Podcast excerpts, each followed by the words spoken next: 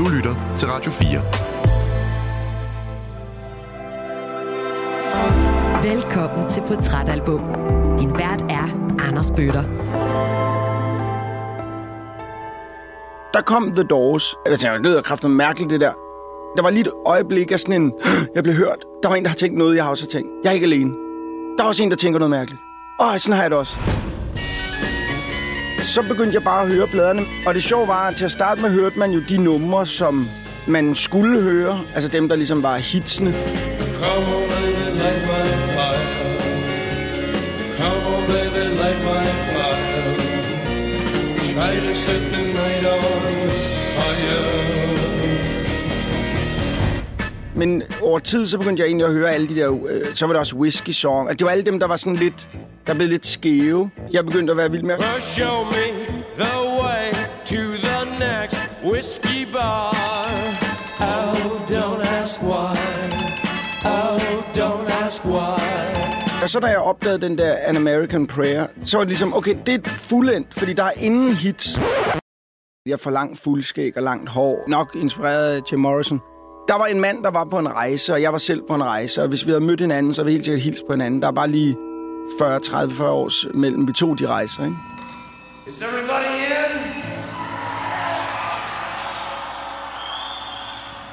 Is everybody in? Is everybody in?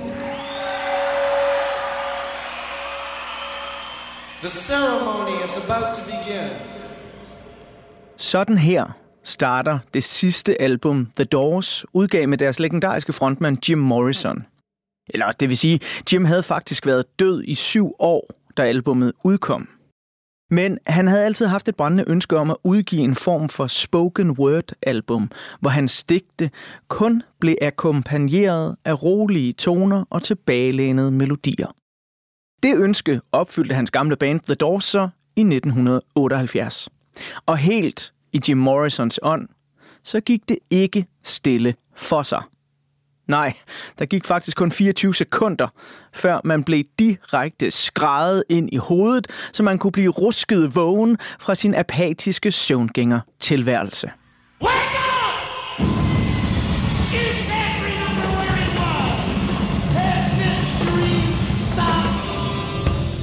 Da albumet An American Prayer udkom i 1978, der fik det lunkende anmeldelser. Nogle talte endda om gravrøveri, og havde svært ved at se pointen i, at Jim Morrisons efterladte oplæsninger af digte, prosa og løsrevne historier skulle sættes i scene af The Doors. Men heldigvis, så er der jo ingen, der husker dårlige anmeldelser i særlig mange år. Så da An American Prayer blev genudgivet på CD, umiddelbart efter Oliver Stones stort opsatte biograffilm The Doors, og der var blevet tilføjet et par nye numre og lige gjort lidt ved lyden, ja, så fik hele den mytiske kult, der omgav Jim Morrisons efterliv, et kæmpe revival, og helt nye generationer kunne nu nyde denne definitive udgave af An American Prayer. Awake Shake dreams from your hair, my pretty child, my sweet one. Choose the day and choose the sign of your day, the day's divinity.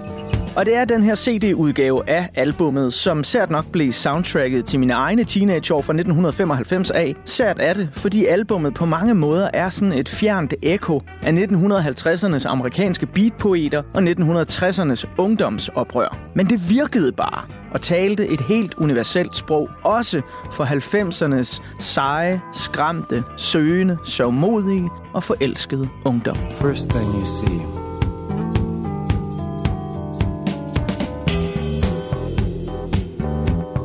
vast, radiant beach and cool, jeweled moon. Couples naked race down by its quiet side. And we laugh like soft, mad children, smug in the woolly cotton brains of infancy. The music and voices are all around us. Og som om det ikke var skørt nok, at et primært spoken word album, hvor en fordrukken 70'er rockstjerne læser uforståelige digte op, blev en del af soundtracket til den rockelskende 90'er-ungdom, ja, så forholder det sig faktisk sådan, at An American Prayer dumpede ind i ugens portrætalbum gæsts liv mange år senere. Ja, faktisk først i midten af nullerne blev ugens gæst bit af de her både skøre, skæve og ret terapeutiske toner. Men på en eller anden måde, så giver det også mening, at ugens gæst faldt i Jim Morrison-gryden. For ugens gæst er nemlig de mange ords mester, og han har siden han debuterede i begyndelsen af nullerne, udtrykt sig som både manuskriptforfatter, radiovært, tv-vært, skuespiller, stand-up-komiker og podcaster. Hans kæmpe komiske talent er blandt andet blevet anerkendt med prisen som årets komiker ved Solo Comedy Gala i 2015. I de seneste år der har du kunne opleve ham i programmer som Fuglendorf og De Skøre Ridere, og stormester, som han nu kan blære sig med at have vundet to gange som den eneste i hele Danmark. Sidst men ikke mindst, så har han siden 2017 lavet, hvad der her i 2024 er blevet en af Danmarks mest lyttede podcasts. Hvad så? Han er desuden også aktuel i den vigtige podcast Fuglendorf i fængsel, hvor han med afsæt i sin egen families forhold til fængsler, der har personlige historier både inde fra fængselscellen og ude på personalegangen, belyser, hvordan det egentlig er at være spærret inde eller arbejde i et dansk fængsel. Og lige nu, imens du lytter til den her udgave af Portrætalbum i februar 2024, der er han på vej rundt i hele Danmark med sit stand-up show, som har, ja det kan jeg slet ikke holde tal på, men jeg kan se, at turnéen den er imponerende lang, og showet det hedder Ærligt talt. Indians scattered on dawn's highway bleeding, ghosts crowd the young child's fragile eggshell mind. Christian Fuglendorf, hjertelig velkommen til Portrætalbum. Tak skal du have. Den her udsendelse, den bliver som sagt sendt den 2. februar 2024. Øh, så lige nu, der står du højst sandsynligt og tripper lidt i et backstage-lokal inde på Bremen Teater i København. Vi optager den her udsendelse i begyndelsen af december 2023. Og så kan jeg jo passende spørge, hvordan går forberedelserne til sådan et stort anlagt øh, turné? Øh, spændt, nervøs, afslappet? Øhm, ja, selvfølgelig er jeg spændt, og selvfølgelig er man, man er også nervøs, men der er også det der med, at man har, man har gjort det før, og, og erfaringen har den her, det er sådan en, det er alligevel sådan en, en ro, man kan ligge ned over sig. Men man skal selvfølgelig passe på, for du kan også falde i søvn i den. Men, men, men jeg har sådan en ro på, at det skal føles sådan her et par måneder før jeg har premiere. Så skal, der skal være en lille smule usikkerhed, der skal være en følelse af, har jeg det hele? Altså lidt ligesom, tror jeg, alle andre, når, vi, når, når du kører hjemmefra, til lufthavnen, og du skal afsted, den der følelse af, har jeg det hele med? Sådan har jeg det nok de næste par måneder, indtil jeg premiere start. Jeg kan forestille mig, at øh, hvis man er i familie med dig, eller hvis man er kollega med dig, jamen, så bliver man øh, lidt øh, sådan en prøveballon for forskellige øh, jokes og historier og sådan noget. Men hvornår ved du som komiker, at du har skrevet noget, som kan få folk til at grine? Mm, man kan sige, det, det, altså, det ved jeg aldrig. Øh, jeg er faktisk heller ikke sådan en, der prøver meget på min, hvad kan man sige, min nærmeste. Jeg har mange telefonsamtaler med kollegaer og venner, men tit når jeg snakker en stand-up joke, så snakker jeg faktisk ret seriøst om det. Altså jeg snakker om det som om det ikke er en joke, altså som om det her det er meget vigtigt. Og så kan det godt være, hvis jeg lige zonede ud og kiggede på, på det udefra, jeg vil tænke, gud, jeg snakker om toiletbørster, men du lyder kraftigt som om det er finansloven, du er ved at afgøre. Øhm, man kan sige, hvornår ved jeg... Men hvis jeg griner af noget, jeg synes er sjovt, et eller andet, det kan bare være en lille tanke. Når jeg kommer op på scenen, så vil jeg jo gerne have folk til ligesom at grine af den her tanke. Fordi så føler jeg mig, så føler jeg ikke, så føler jeg mig rigtig. Altså det føles ikke forkert, at jeg har grint af det her. Og hvis jeg kan få folk til at grine af det, så, så, er, det, så, er, der, så er det sjovt. Øh, men, men jeg vil sige, mit bundniveau er blevet er lidt højere, end det var, da jeg startede. Så jeg har en bedre idé om, hvad der er sjovt, men jeg er ikke 100%. Altså, hvis der er nogen, der kommer til mig med en joke, så kan jeg ikke sige til dem, det der, det kommer, den kommer 100% til at give et klap. Jeg kan sige, det, fuck, det lyder sjovt. Men det lyder nemlig også meget som lige præcis det der med at pakke øh, kufferten til lufthavnen. Det var et godt billede på det, øh, mm. fordi den, kan, den kender jeg virkelig godt. Øhm, jeg vil øh, gerne lige øh, spille resten af det nummer, som øh, vi øh, hørte lidt af i øh, introen her. Og så bagefter, så skal vi lige høre lidt om, hvorfor det egentlig er, at det lige er An American Prayer af Jim Morrison og The Doors, du har valgt. Fordi der er måske nogen, der har tændt for Radio 4 her og tænkt, nu skal vi have et eller andet rigtig, rigtig sjovt album. Mm. Og det her album, det er mange ting, men det er fandme ikke sjovt. Nej. Nej, lige præcis. Men her, der får vi altså lige resten af Ghost Song. Choose, they croon, the ancient ones, the time has come again. Choose now, they croon, beneath the moon, beside an ancient lake. Enter again the sweet forest. Enter the hot dream, come with us.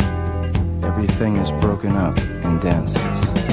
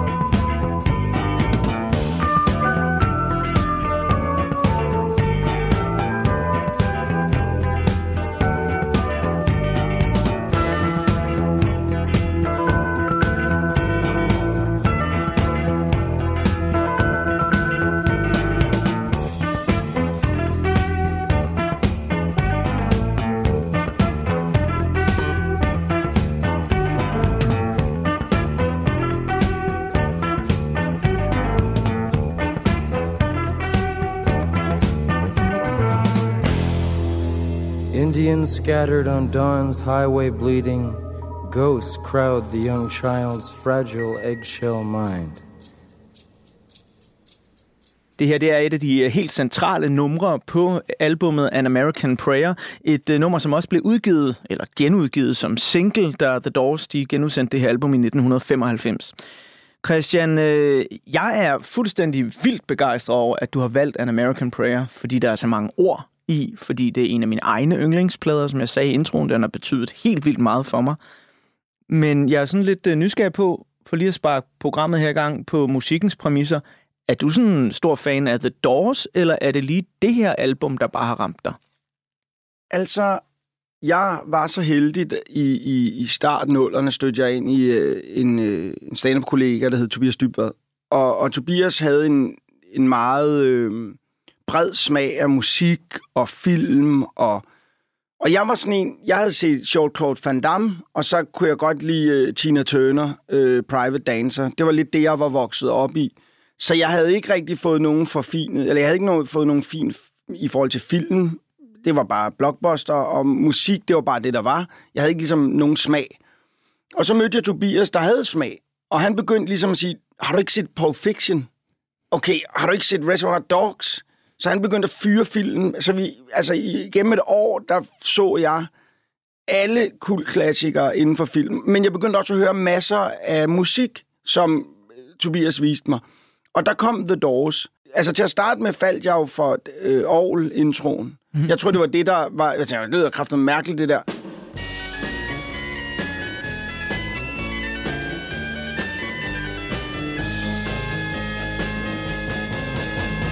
Og så begyndte jeg bare at høre pladerne, men...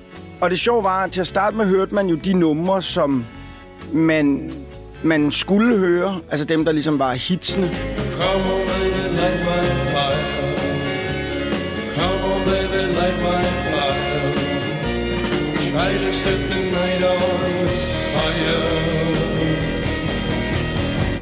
Men over tid, så begyndte jeg egentlig at høre alle de der... Øh, så var der også Whiskey Song. Altså, det var alle dem, der var sådan lidt...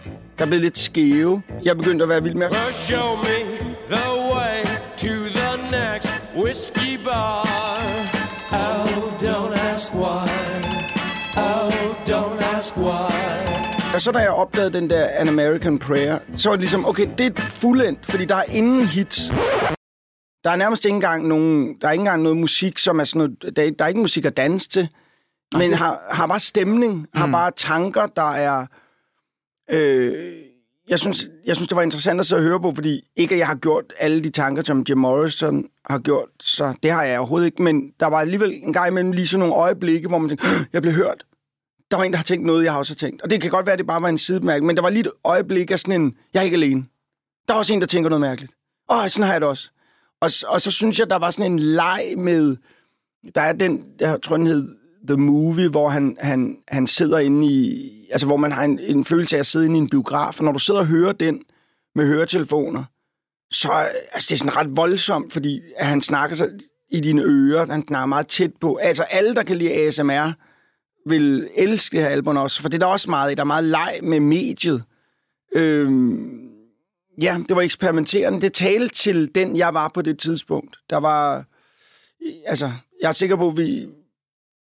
der var en mand, der var på en rejse, og jeg var selv på en rejse, og hvis vi havde mødt hinanden, så ville vi helt sikkert hilse på hinanden. Der er bare lige 40, 30, 40 års mellem vi to de rejser, ikke? Jeg synes, det er ret sjovt, at øh, du lige netop nævner The Movie, fordi øh, jeg skrev til dig i går og var sådan, hey, det her, det er jo et værk. Det er sindssygt svært at adskille det ene fra det andet, og jeg selv har det sådan, jeg kender ikke titlerne på det her album, mm. fordi jeg har bare hørt det fra start til slut, og når jeg nu sidder her og, og skuer over til Spotify og ser sådan, øh, og jeg har da en idé om, hvordan Newborn Awakening lyder, men, men det er ikke sådan, at, at jeg lige kan fortælle dig, at det er der, han siger præcis det og det, og der kommer det og det musik.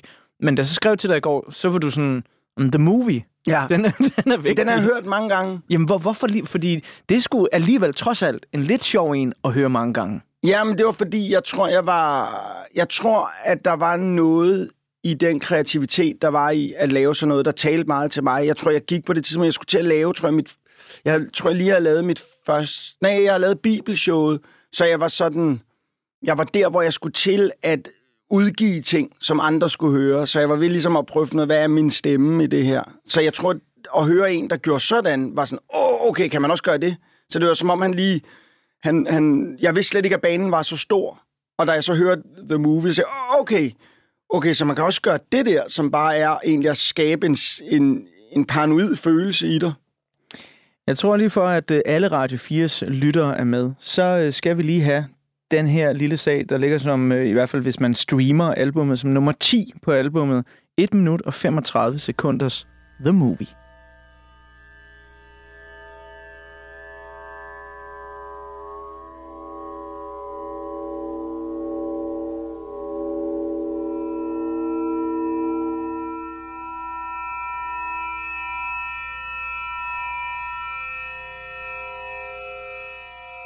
Movie will begin in five moments, the mindless voice announced. All those unseated will await the next show. We filed slowly, languidly into the hall. The auditorium was vast and silent. As we seated and were darkened, the voice continued. The program for this evening is not new. You have seen this entertainment through and through. You've seen your birth, your life, and death. You might recall all of the rest. Did you have a good world when you died? Enough to base a movie on? Getting out of here. Where are you going? To the other side of morning. Please don't chase the clouds, pagodas. Her cunt gripped him like a warm, friendly hand. It's all right. All your friends are here. When can I meet them? After you've eaten. I'm not hungry. Oh, we meant beaten. Silver stream, silvery scream. Ooh, impossible concentration. Det her det er jo også et lidt legendarisk øh, stykke oplæst digteværk, fordi det er faktisk, så vidt jeg husker, mere eller mindre sådan, at øh, man for første gang ser den voksne Jim Morrison i Oliver Stones film. Der står han og indtaler det her, mens mm. han øh, drikker noget whisky og øh, ja, alle mulige andre Val. Kilmer spiller. Ja, lige præcis. Ja, det er også i min optik den bedste biopic af musikere, der er, for den er, virker meget ærlig. Ja. Altså, det er virkelig, der ser vi en, en mand i, i, i tydelig forfald, men samtidig også på en rejse, som man ikke har lyst til at stoppe ham i. Everybody in. Ceremony is about to begin. Name, occupation. Jim. Things are about to explode. You can feel it in the air. Planet is screaming for change, Morrison. We gotta make the myths.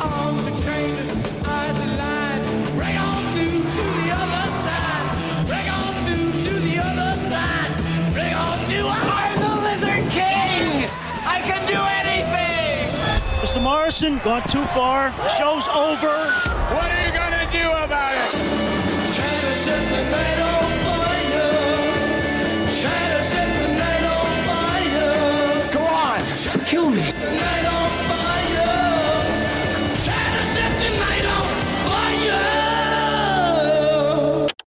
Lige lidt senere, så skal jeg bladre op på en side af portrætalbummet, hvor jeg tegner et portræt af The Doors, og der kan man få lidt mere at vide om, om den her fuldstændig sindssyge rejse, han er på. Og i øvrigt, hvis man er nysgerrig på at høre lidt mere om bandet her, og om et af deres mere regulære musikalbum, så skal man finde den udgave portrætalbum, hvor jeg har besøg af musiker Kira Skov, og øh, der ligger dels mange gode fortællinger om albumet Strange Days, men også en fortælling om, hvordan Kira, hun som 16-17-årig, ender i L.A. og flytter lidt med Val Kilmer. Nå, Lige da han spiller Nå, sjovt. Jim Morrison. Altså, jeg spørger hende sådan, Ja. Har, har, har du misset lidt på Val Kilmer og Jim Morrison? Ja, så, og det øh, Han er flot i den film. er helt vildt, altså. Og det, det er, Kira har den vildeste The Doors-fortælling øh, i den, Den her. hårdeste scene, der er i den film, er stadigvæk der, hvor hans kone lige får åbnet døren ind til ham, hvor han er sammen med en anden. Ja. Og han bare griner. Ja, Jamen, det er det, så... det, det er så ondt. Jeg får så ondt i maven. Bare jeg, altså, og det, han, han spiller så godt, Val Kilmer.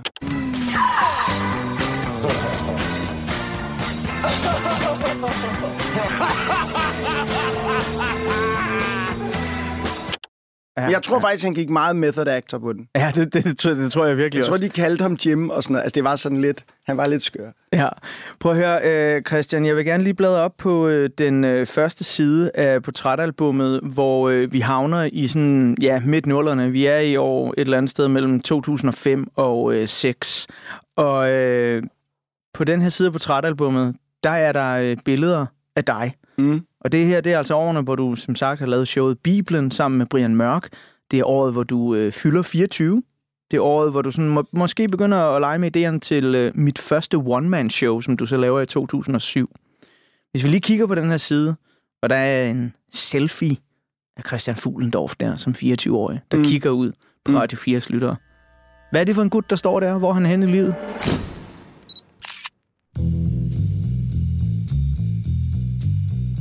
Det er en 24-årig ung mand, der øh, kan mærke øh, forandringen inden i sig selv, at der er ved at ske et eller andet. Og det kommer til udtryk i, at han også så ændrer sin, sin, sit ansigt udad til. Jeg får langt fuldskæg og langt hår. Øh, højst sandsynligt en- nok inspireret af Jim Morrison. Men jeg kunne mærke, at jeg skulle smide hammen, så jeg var nødt til ligesom at gro det hele ud, og så, så skulle det krasses af igen. Hvad er det for en ham, der har været der?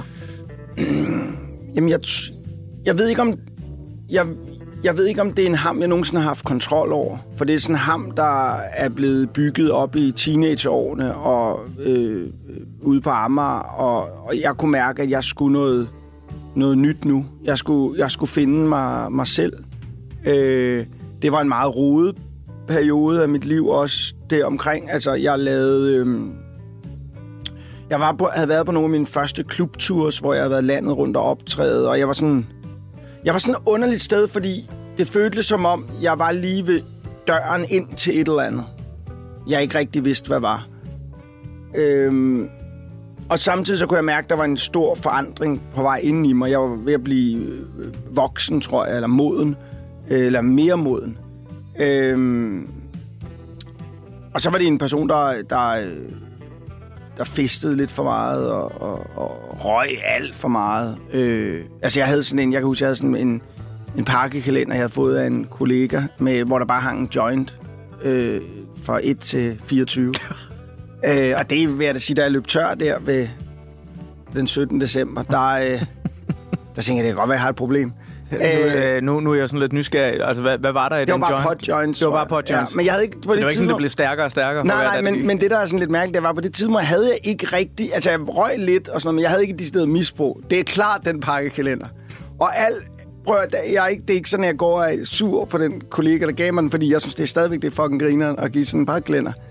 Men det var, den pakkekalender startede klart noget op. Shit, man, du har simpelthen øh, pakket dig ud til øh, et begyndende misbrug. Ja, ja, ja, ja, ja, ja, men det var igen, der var et eller andet, det var forandring, men, men, og jeg tror egentlig, hvis jeg ikke havde røget og sådan noget, så er den forandring nok gået hurtigere. Jeg tror, at den, der, det der tit, når man ryger, det er, at man også bibeholder en følelse, at man forlænger en følelse, man har, ikke? Og jeg, så, så måske var det sådan en, en frygt for at bevæge mig videre øh, til det næste øh, epoke eller kapitel i mit liv.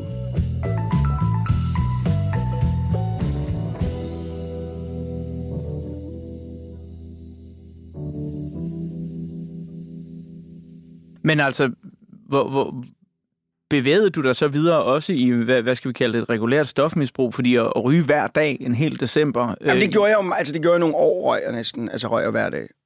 Jeg mødte min kone, røg jeg hver dag. Øh, jeg røg aldrig, før jeg optrådte. Øh, det havde jeg sådan et princip, jeg tror, jeg kan tælle på en hånd, hvor mange gange jeg har været øh, skæv. Og så har det været, højst sandsynligt været noget festival, et eller andet, hvor det... det men ellers har jeg aldrig gjort det, og... og, og øh, ja, det ville jeg ikke, det ville jeg ikke kunne. Men, men, men jeg røg, når jeg kom hjem, og jeg var kun lige gået af scenen, så var jeg skæv. Det var sådan noget selvmedicinering, går jeg ud fra, øh, der ligesom... Øh, og så tror jeg... Jeg kunne ikke så godt... Jeg synes, der skete ikke noget. Mit liv var ret kedeligt. Altså, hvilket er latterligt. Det var, det var, der var jo fin knald på. Altså, faktisk, der, der lige omkring det tidspunkt, du snakker på, der, der går ikke lang tid, så skal jeg til at lave min egen tv-serie og sådan noget. Så det er sådan lige, lige inden det eksploderer lidt, ikke? Det er også lige inden jeg møder min kone. Så det er sådan... Det er jo et interessant år, vi har valgt, kan jeg mærke. Ja, fordi... det, det, det er et messet, og det er et rodet år. Ja, ja, fordi nogle gange så siger jeg jo til, til gæster, der er herinde i portrætalbum, Nå, men der, der mødte vi en skillevej i dit liv, eller sådan noget. Det her, det virker jo som sådan en tisporet lyskryds på en mm, eller anden måde. Mm. Det var et rodet, det var en rodet fase. Jeg boede, jeg boede øh, op hos Le Gammeltoft. Jeg havde lejet et værelse på, i hendes lejlighed. Og det var også i hendes øh, øh, festlige år. Øh, så der var knald på, øh, og, og jeg tror, det hele rodede lidt rundt. Øhm, og jeg kan huske, at jeg, altså, jeg laver en tv-serie, der hedder Christian, der handler om en fyr, der ikke har fået 6250 dage. Øh, og den er jo bygger over den her periode. For det var i den her periode, at jeg faktisk ikke havde, var sammen med nogen i 350 dage, som jeg husker det. Men der sagde en manusforfatter, vi laver lige det tal lidt lavere, så det lyder mere realistisk. men jeg havde over et år, altså jeg havde haft en kæreste, og vi, det var vi jo gået fra hinanden, og jeg har fået det der øh, værelse inde hos øh, Le. Og der, der eskalerede det hele lidt, ikke? Og, og øh, øh, men samtidig så var det også der, ideen kom til at skrive en tv-serie. At jeg kan huske, at jeg købte den der tavle inde i sådan et eller andet kontorudstyr. Ud. Så hang jeg den op, og jeg vidste ikke, hvordan man skrev en film. Og jeg vidste bare, at der skulle være, nogle vende, der skulle være to vendepunkter og en midte. Og så gik jeg i gang med sådan at, at plotte det ud. Det er ret sjovt for mig at få at vide, hvor du er i dit liv på det her tidspunkt. Fordi jeg så Christian, mm. øh, og på det her tidspunkt, der øh, er jeg sådan øh, i noget midt-slut 20'er. Mm. Og øh, jeg kunne godt identificere mig der. Jeg mm. synes faktisk lidt, det var et spejl ja. af, hvordan jeg gik og havde det. Øh, fordi på, altså, i mine mest bumpsøde perioder, øh, der var jeg den der figur, mm. øh, Christian. Altså det, det hænger sådan cirka sammen med det en tid, hvor jeg har boet to år i Norge som skibums. Ja. Øh, fordi jeg bare sådan ikke rigtig lige vidste, hvor fuck, altså, hvor skal jeg hen? Og mit, mit hoved var nemlig sådan en tisporet lyskryds. Men det er sådan en mærkelig fase, det der. Ja, og jeg tror, alle, jeg tror, alle skal igennem den på et eller andet tidspunkt. I, nogen, I nogens liv er det et meget stort og rodet periode, og andre, der falder det meget naturligt, ikke? Jeg tror også, at øh, Jim Morrison, han af flere omgange har været igennem sådan en fase der, og jeg tror, at det her album, du har valgt, An American Prayer, afspejler flere perioder af de faser. Men for lige at hylde alle de unge mennesker, der er i sådan en fase, øh, og det skal man, kære venner, der er ingen vej udenom det der tidsbordet lyskryds, så skal vi lige have et nummer mere fra An American Prayer. Det her, det er The Hitchhiker.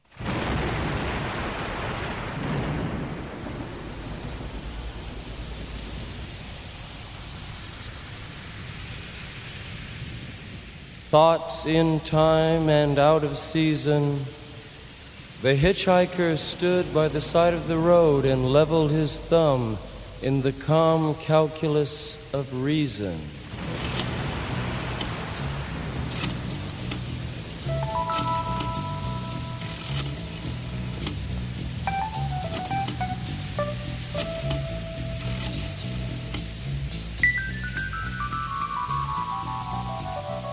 Hi, how are you doing? I just got back into town. LA. I was out on the desert for a while. Yeah. Um, in the middle of it.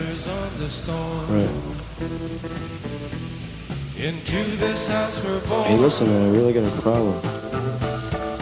Well, uh, when I was out on the desert, man, uh, I don't know how to tell you, but uh, I killed somebody. No. It's no big deal, you know. I don't think anybody will find out about it. but- Just, uh, this guy gave me a ride and uh, started giving me a lot of trouble, and I just couldn't take it, you know. Wasted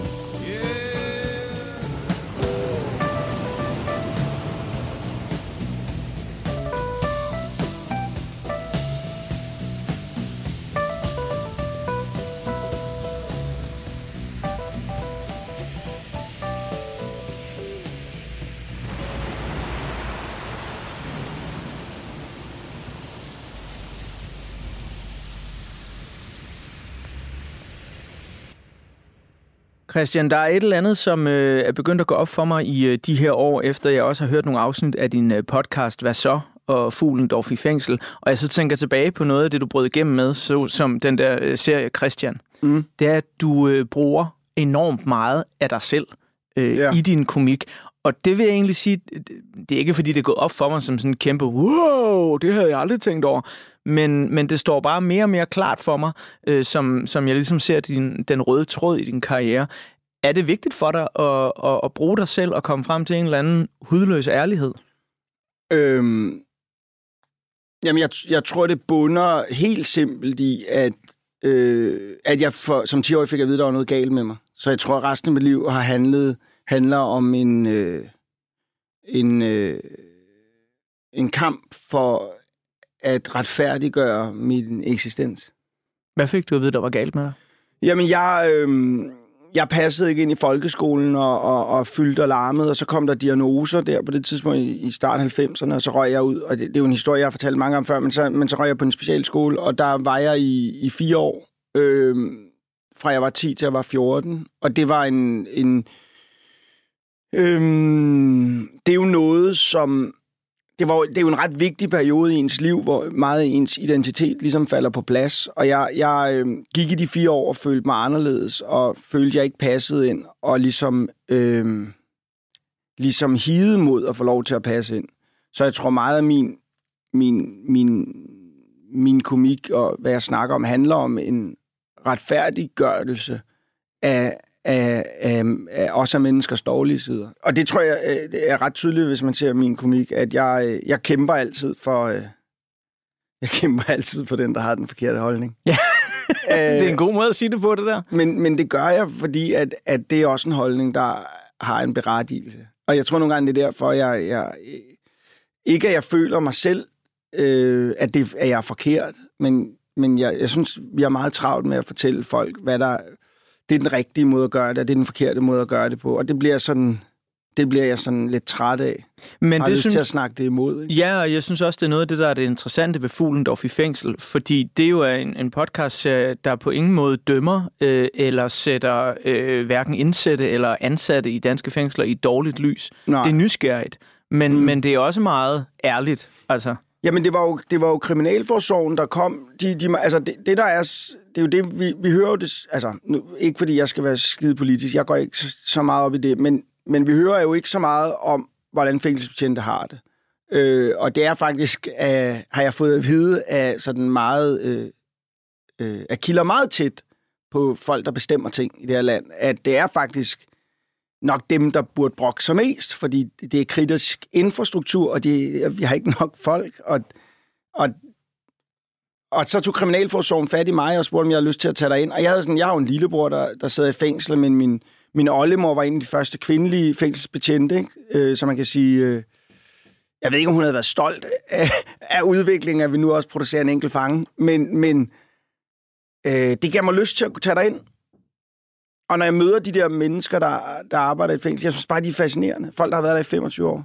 Hvor længe har du egentlig været i, i fængselsvæsenet? 28 år 28 år. om fem dage. Ah, tillykke. Og, og jeg har elsket hver eneste dag. Ja. Jeg er glad hver eneste dag, når jeg går på arbejde. Og det har altså også noget at gøre med, det de mennesker, jeg møder. Og ja, de har lavet alt muligt lort og, og, og, og kriminelt, og, og det er i hvert fald det, de er sigtet for. Mm-mm. Men jeg tænker egentlig ikke over, hvad de har lavet. Jeg møder bare nogle mennesker, som jo er sjove, har humor, øhm, og, og nogle gange, øh, så er det også alvorligt at være her. Og nogle gange havner vi i nogle alvorlige situationer. Jamen, jeg synes, jeg synes bare, det er et fantastisk miljø at være i. Jeg skal huske at sige til øh, Radio 4's lytter, at øh, lige nu der er vi ved at få øh, renoveret vores kontor og vores radiostudier. Så er der pludselig en lille boremaskine i baggrunden, er der en banken, så er det simpelthen bare derfor. Det, ja, det er ikke mig, der prøver at flygte ud af studiet. Nej, lige præcis. Du ser ud til at have det meget behageligt ja, ja, ja. og chill, og du Men jeg har er fået faktisk lidt overrasket over rummet. Ja. Inde i mit hoved, når jeg hører det. For jeg hører faktisk ret tit øh, dine programmer, for jeg synes, det er, er en af de dygtigste, vi har hjemme til at lave den her type programmer. Mm. Øhm, øh, jeg har forestillet mig altid, at mør- altså, det er meget mere mørkt end altså, det er meget mere... Det er meget mere sådan øh, en café. Ja, Øh, ja. Jeg, har, jeg har lyst til, at altså, man næsten sidder med en lille cigaret. Og, altså, der er den, den, det er den følelse, du sender ud. Det er jeg glad for. Og nu sidder jeg i... Og så finder du ud af, at jeg nu bare sidder snyder. herinde, og nu sidder jeg i et radiostudie. i et radiostudie, hvor der med bliver boret og Ja, ja, banket, ja. og der er sådan et, et nærmest klinisk tandlægelys lige nu. Men Christian, den øverste knap derovre på, du kan prøve at holde den inde.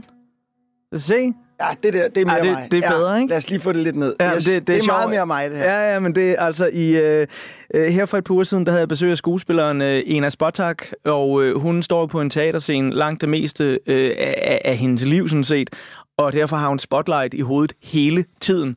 Og hun var sådan, uh, mm. kan, kan vi ikke lige skrue ned for det der tandlægebelysning? Ja, der er nemlig lige præcis, det var tandlægebelysning, er meget godt. Shit, mand. Jamen, der, er ikke, der kommer ikke nogen rodbehandlinger her, altså overhovedet. Øh, men jeg er jo nysgerrig på, nu, du sagde selv, at din egen lillebror øh, sidder i fængsel. Jeg følger ham på Instagram, mm. hvor han øh, laver kunst under hashtagget kunst bag trammer. Ja. Øh, og det er jeg vildt fascineret over, og jeg øh, er i det hele taget bare taknemmelig over både din og hans åbenhed over for, jamen det her, det er sådan øh, facts of life, ikke? Øh, men hvad siger bror man til, at øh, du laver en podcast, der handler om det at være i fængsel, jamen, imens han så er i fængsel? Jamen, den er, det var også lidt sjovt, fordi det var også en ting, jeg snakkede med Kriminalforsorgen til at starte med, at jeg må jo ikke, altså, jeg kan jo ikke stå ind i ham. Nej. Øh, men han sidder så et, et væk fra, hvor jeg, øh, de fængsler, jeg var i. Jeg snakkede med Michael om det, han har slet ikke noget problem med det. Øh, han, der var slet ikke noget, altså, man, man skal forstå, at langt de fleste, øh, langt de fleste indsatte, vi har i Danmark, har jo respekt for fængselsbetjentene. Altså, det er jo langt de fleste, øh, ved jo godt, at de bare er der for at lave et stykke arbejde. Og samtidig så ved fængselsbetjentene også, at dem, der er her, øh, det er, øh, er folk, der er kommet skævt fra start, og, øh, og vi som samfund bærer et, et, et vis øh, ansvar for at rette op. Øhm, og jeg tror, at grunden til, at jeg gik sådan meget ind, lige, lige gerne vil ind og snakke om det her, det var jo, øh, at jeg vil jo gerne gøre forholdene bedre for min bror. Altså, der er jo også en helt egoistisk øh, følelse i det. Og så er, har vi også det problem i, i et land som Danmark, som lyder åndssvagt. Det er et underligt problem, det her. Der er færre og færre, der har forbindelse til en, der er indsat. Altså, vores samfund bliver mere klasseopdelt. Og i det, vi øh, ikke kender folk i ens privatsfære, der har siddet i fængsel, så har man måske ikke en forståelse for, at de mennesker, der sidder derinde, også er mennesker. Så bliver de til et, et statistiktal, som man kan øh, behandle øh, efter øh, for godt befinden. Og så kan man sige, jamen hey, de har jo lavet noget lort, så er det ikke fint nok, at samfundet er hårdt ved dem. I og for sig jo, det, det kan jeg godt forstå, den retfærdighedsfølelse. Det synes jeg virkelig også, at, at, at folk skal have deres retfærdighedsfølelse opfyldt. Men hvis du ved, hvor stor en smerte det har påført dig, så vil du også gerne forhåbentlig forhindre, at der er andre mennesker i fremtiden, der får påført den smerte. Og derfor er det, det, er, det er vores allebedste, at for de her mennesker, der kommer ind, der har fået en, en, et, øh, der, har, der har set den dårlige side af vores samfund, og, og så prøve at løfte dem op. Og, og jeg siger ikke, at vi kan lø- redde alle, for det kan vi ikke, men hey, hvis man kunne redde to-tre stykker. Altså lige nu er fængselsvæsenet så presset, at de har ikke, at man skærer i besøg, så du kan ikke, udefrakommende kan ikke komme og besøge øh, de indsatte. Og det vil sige, rehabiliteringen med, at de kommer tilbage, den er ikke velfungerende. Jeg har tænkt over en ting, ja. dels efter jeg har hørt et par afsnit af din podcast, øh, Fuglendorf i fængsel, og så også efter jeg så øh, DR-serien Huset. Mm-hmm. Øh, så har jeg tænkt over, hvor øh, glad jeg egentlig er for, at øh, vi lever i en tid, hvor der er streaming. Fordi jeg fik bare den tanke, hvis jeg nu havde røget i spjældet, øh, da jeg var teenager, lad os sige, jeg var 16, 17, 18 år, ja. så havde jeg været afhængig af fysiske medier for at høre musik, hvilket er det vigtigste for mig i hele mit liv. Hvor at nu, jamen, der kan du have en telefon, du kan have en, en radio, du kan have streaming, whatever, ikke? Altså, så du ligesom selv kan vælge.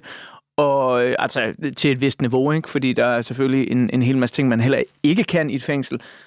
Men det fik mig bare sådan til at tænke på, hvis nu jeg var røget i fængsel, hvor der kun var fysiske medier, hvad for nogle plader tog jeg så med i fængsel? Og der er jo en idé til en kommende podcast, Ja, det er vi skal faktisk. lave, ikke? Ja, det er sjovt. Hvilken musik tager du med i fængsel? Øh, og jeg har sådan lidt siddet og tænkt over sådan, at jeg tror ikke, jeg skulle for eksempel en af mine favorit rockplader, det er Queen live at Wembley i 86. Kæmpe Ja. stor stadionkoncert. For jeg tror, jeg vil sidde inde i fængslet, og så vil jeg blive sådan lidt mut over, hey, du kan ikke komme til koncert. Det vil jeg hele tiden blive mindet om. Men så tænkte jeg, An American Prayer, Ja.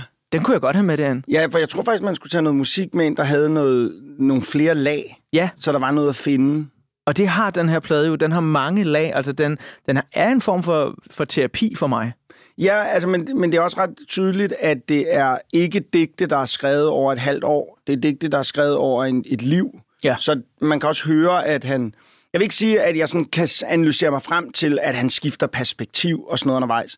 Men jeg vil våge på at hvis man satte sig ned og analyserede på det, vil du godt, godt kunne analysere frem til, hvor han er i livet. Hvornår er det her cirka? Øh, fordi han... Øh, Ja, den er meget, meget fed. Jeg har nemlig gjort, hørt den fuldstændig ligesom dig. Jeg har aldrig hoppet rundt i den. Jeg har altid bare hørt den fra start til slut. Og jeg har kørt rigtig meget rundt i landet og optrådt, og den er bare, så den bare kørt, og så startede forfra, når jeg satte mig ud. I en lang periode var det, den, var det den plade, der startede, når jeg satte mig ind i bilen. Af en eller anden årsag noget med min telefon. Øh, lige nu er det af en eller anden årsag Josh Groban, der starter, hver gang jeg sætter mig ind med Okay. You Raise Me Up. You raise me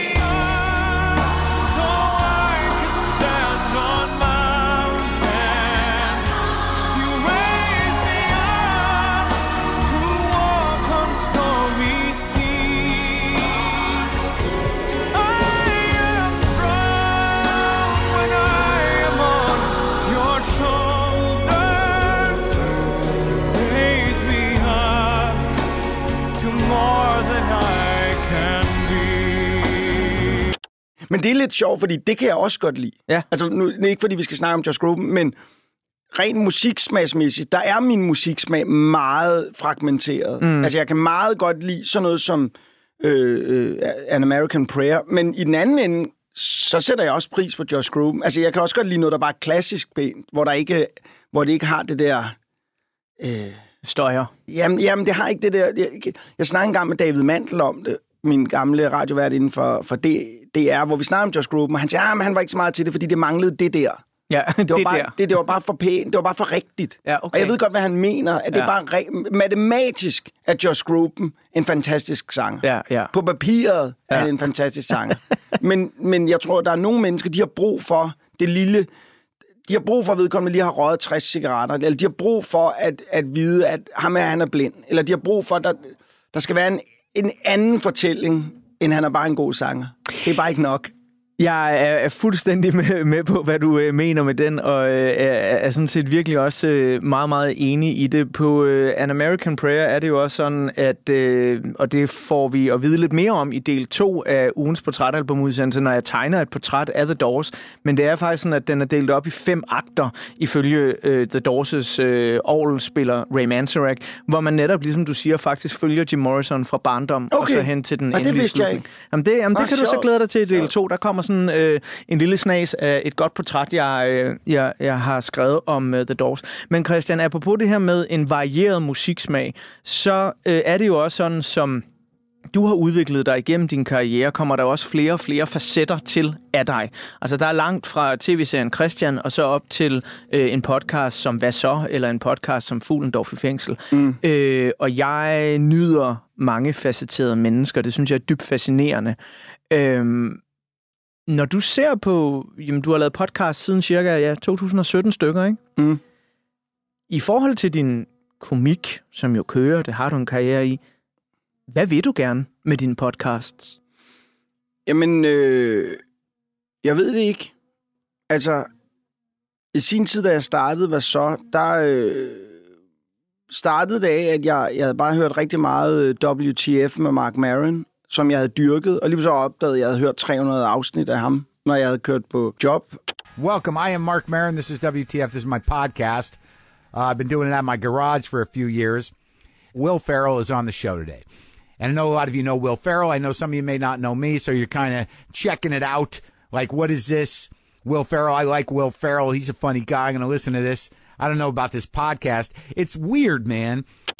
Jeg manglede et eller andet, der var mit, som, som en tv-station ikke ejede noget af, som, som bare var noget, jeg havde lavet, som ikke havde et formål, som ikke havde en, en, en, en, øh, øh et mål. Og så øh, kan jeg huske, at jeg gik ind til min kone og sagde, Karina Brøger, jeg begynder til podcast. Altså, jeg begynder at lave podcast. Og så sagde hun, jamen, hvad skal du så, hvad, hvad så med, hvordan vil du gøre det? Vil du så sidde og klippe? Så siger nej, jeg får en klipper på, men så skal du betale ham. Så siger ja, men det, det vil jeg. jeg. Jeg så betaler jeg hver uge. Betaler. Jeg fandt en klipper, og så, så havde hun sagt, ja, okay, men du har også et stort salvansekvar. Okay, fint nok. Så kompromiset blev, at jeg lukkede øh, hen over tid mit salvansekvarie, fordi det kostede også det kostede penge at køre. Øh, øh, Stop, stop, stop. Ja. Du, du har et Jeg havde et salvansekvarie. Jeg havde et 600 liters salvansekvarie. Altså derhjemme? Inde i stuen, ja. Okay. Som jeg gik og passede og brugte meget tid på at øh, øh, målte vand på, og jeg havde klovnefisk, og jeg havde øh, koraller, og wow. det gik jeg meget op. Det går jeg stadig meget op i, men det er også et, det er lidt, et salvansekvarie er lidt ligesom at have et, et, tror jeg, et bonsai-træ. Du, du leder efter et flow. Ja. Så du leder efter, at og alle, der går op i akvarier, ved, hvad jeg snakker om. Man leder efter der, hvor der er en... Okay. Det er fuldstændig ligesom livet at have et akvarie, hvis vi skal helt op. Du leder efter en balance. Du leder efter en balance, hvor, der er, hvor, hvor det selv kører rundt, det er selv sustainable. Det er meget lidt, du skal tilsætte, at det selv kører. Når du er der, det er det så fantastisk. Du skal næsten ikke røre ved akvariet. Det kører bare. Du har, fået, du har lavet et, et økosystem. Det synes jeg er vildt fascinerende. Men det koster jo penge, fordi du, du, du, det er dyrt udstyr, og, og, og du skal købe salt og, og alle mulige mærkelige ting. Det- Det skal have mad, og det bruger meget strøm, og alle de her ting. Så hvis jeg skulle have, til at gå til øh, podcast, så skulle jeg til at øh, så skulle jeg ikke have salvandskvaret. Det var lidt kompromis. Og så blev det lukket ned. Øh, der er flere årsager. Men, men øh, så startede jeg podcasten op, og, og jeg kunne bare mærke, at der var sådan en... Jeg tror, det, der drev mig, var sådan... På den ene side ville jeg gerne have noget, der var mit eget, og på den anden side var der sådan en spirende ensomhed. Jeg kunne bare mærke, at jeg ikke havde de der lange snakke mere, som jeg havde før i tiden. Inden jeg fik børn og kone og familie. Øh, der havde vi lange snakke med, det var med Dybvad, eller jeg sad med, med Carsten Gren, og, og, og så sad vi og hyggesnakkede, og vinterdrejede, og idéerne kom. Og når man får familie, så, øh, så skal det jo, i hvert fald for mit vedkommende, skal det meget ind i den tid. Øh, så jeg havde ikke de samtaler. Øh, og min kone er, er super dejlig og super klog og på en masse ting, men hun er ikke en, jeg har sådan nogle snak, bare sådan... Altså, hun er sgu lige så meget popcorn som mig, så hvis jeg begynder at sige, hey, tænker du egentlig nogensinde over døden? Så siger jeg, åh, det gider jeg ikke snakke om. Skal jeg, nej, oh, vi skal også have handlet. Altså, så er vi bare videre, ikke? Jo. Så jeg startede podcasten op, og så... Øh, jeg tror, farfar var den første, jeg indspillede. Jeg ringede til farfar og sagde, hey, har du lyst til at gå med? Jeg vidste, jeg skulle gå med... Jeg vidste bare, jeg skulle gå en tur med folk. Det skulle være ligesom Mark Maron. Jeg skulle snakke med folk. Jeg, han sad i en garage, og jeg havde sådan en gammel idé til et talkshow om at gå en tur. Så jeg tænkte, vi tager bare den idé. Købt udstyr. Jeg tror, jeg købte, jeg vil 15.000 kroner for noget udstyr. Øh, ringede til ham, øh, Kasper Bang, som var klipper, og så havde vi en aftale om, at han skulle klippe fire afsnit, og så begyndte jeg ellers bare at skrive til folk på Instagram og sige, far, far, jeg har, jeg har en podcast, jeg ved ikke, om det skal noget, men... Og så gik vi bare i gang. Øh, og så tror jeg, at der gik sådan noget 100 afsnit, før der var en økonomi i det. Så man kan sige, at de første 100 afsnit, der betalte jeg jo bare Kasper for at gå til podcast. Øh, og så lige pludselig så kom der noget økonomi, ind, og jeg vil sige, i dag er der øh, økonomi i podcasten. Jeg kører kommercielt med, med reklamer på. Og er det noget, jeg bliver sådan tonseri af? Nej. Er det noget, der er øh, mega sjovt og livsbekræftende og inspirerende, og ja, giver det mig værdi i livet? Kæmpe værdi. At det giver andre værdi, det havde jeg ikke tænkt over. Nej, for det er jo lige præcis det, jeg gerne vil frem til, fordi hvis jeg ser på en podcast som Hvad så?, så bliver jeg først og fremmest misundelig. Fordi sådan en vil jeg gerne have selv. Fordi netop... Ej, jeg synes, du, jeg synes, du har Jo, jo, jo, klart, tak. Men, men du ved netop det her med at gå en tur og snakke med folk. Ja. Det, jeg, jeg kan en til en øh, spejle det i mit eget liv. At det, det, den ligesom, som ansvarene går, og øh, årene går, og man får mere og mere på tallerkenen, så er det Mm. sværere og sværere. Men, men altså, nu har du så et kæmpestort følge. Det er en af Danmarks mest lyttede podcast, i hvert fald på top 10 ganske ofte, når Ja, den- årslisterne udkommer. Den ikke? hang lige fast på, i Spotify den her gang. Ja, og det betyder jo, at du har et ret stort publikum. Så, så altså, hvad vil du gerne give til dem? Tænker du over det selv, eller er det stadig sådan øh, Christian Fuglendorfs eget øh, egoistiske projekt? Ikke, at der er noget galt med Nej, et nej. egoistisk projekt. Det er en fed ting at have. Øh, altså, hvad kan man sige, der hvor... Jeg vil gerne lave 1000 afsnit. 1000? Ja. Okay. Jeg har lavet 560, tror jeg nu. Sådan noget i den dur. Øh, det vil jeg gerne. Øh, jeg vil gerne lave en podcast, hvor jeg kan snakke med alle. Og jeg elsker, når folk skriver til mig. Jeg starter med at lytte dem, jeg godt kan lide. Så lytter jeg dem, jeg ikke kender. Og til sidst lytter jeg dem, jeg ikke kan lide. Og så viser det sig, de er faktisk okay. Ja. Og det er lidt det podcast, jeg håber, at hvad så podcasten kan, er, at jeg snakker med så mange forskellige, og sandheden er, at de fleste mennesker, hvis du hører dem snakke frit for leveren, og der ikke ligesom er øh, en agenda, eller der ikke er et, et mål for snakken, og folk ligesom får lov til at fortælle deres egen historie, og med deres egne ord, uden at det, der, de føler, der er sådan en, en, en, en hø, der holder øje med, om de siger noget forkert, så tror jeg, at de fleste opdager, at de fleste mennesker er sgu meget fede. Jeg har øh, præcis det samme formål med det her program, øh, blot mest af alt med musikken. Ja. Jeg vil meget, meget gerne have, at øh, der er nogen, der lytter til det her, som er store popfans, og pludselig mm. finder ud af, hold kæft mand, den der jazzplade, den var spændende, Ja, ja, fordi ja, Nicolas Bro, han snakkede så godt om den. Eller den her plade med The Doors, som Christian Fuglendorf jo tydeligvis har et livslangt forhold til næsten. Den er muligvis noget for mig også. Og Christian, det skal vi snakke videre om i øh, del 2 af ugens portrætalbumudsendelse, fordi øh, tiden den flyver virkelig hurtigt, når man øh, er i super knasgodt selskab. Så jeg skal have lukket ned for øh, del 1. Og hvis øh, dig, der lytter med, sidder og øh, podcaster portrætalbum, så vil jeg for det første endnu en gang lige undskylde de her boremaskine-lyde, hvis man altså kan høre dem. Jeg har en genial lyddesigner, Emil Germod. Han har engang klippet en hel øh, ABBA-cover-koncert væk fra en samtale, da jeg sad på Smukfest, så det kan godt være sådan en boremaskine oh, her for ham. Det er bare piece of fucking cake. Nå, men hvis du podcaster portrætalbum, så ligger del 2 allerede klar, der hvor du har fundet øh, del 1 eller i Radio 4's app. Lytter du med live på Radio 4, så skal du bare lige have lidt nyheder, og så er vi tilbage med øh, del 2 på den anden side af de nyheder. Vi lukker og slukker på portrætalbummet. Det live? Allerførste del. Nej, det er ikke live. Oh. Dog ikke. Bare rolig. Nej, bare rolig. Det bliver sendt den 2. februar Okay, 2024. gør det, gør det. Der er lang tid til. Altså, der kan både nå at stoppe og starte krige, inden Ja, at, ja, øh, vi okay, får det her ud i æderen, Christian.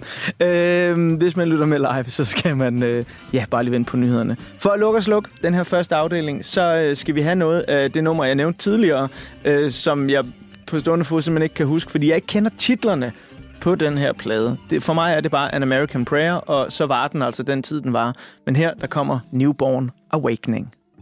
Det, det minder mig faktisk også en lille smule om, hvad hedder den der... Er det ikke Pink Floyd, der har lavet den op et eller andet Wall? Jo, The Wall. Ja, den Ja. ja. Har, der er nogle The Wall. Hvad, for, hvad ligger de egentlig i forhold? De må komme nogenlunde samtidig, er det? Ja, det gør de faktisk. Sjovt nok, egentlig. Jamen, de har lidt af den samme... Øh, Øh, hvad fanden er det, The Wall er...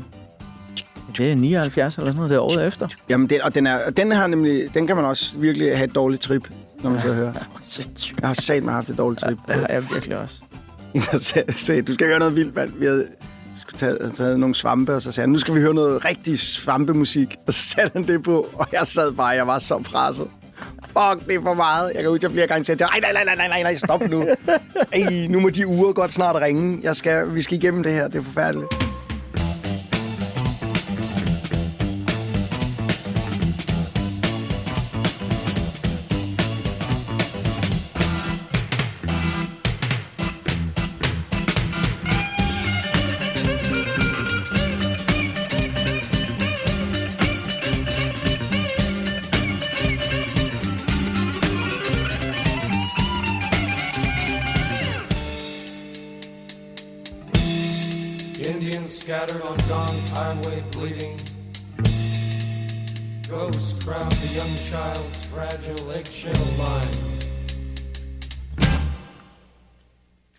Blood in the streets in the town of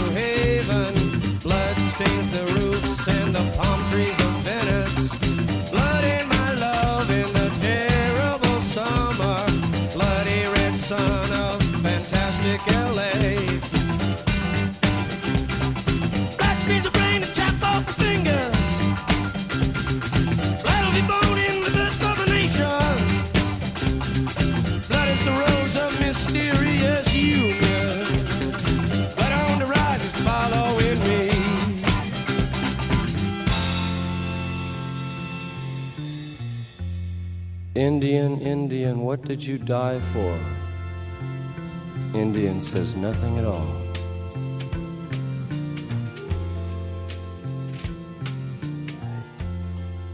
Gently they stir.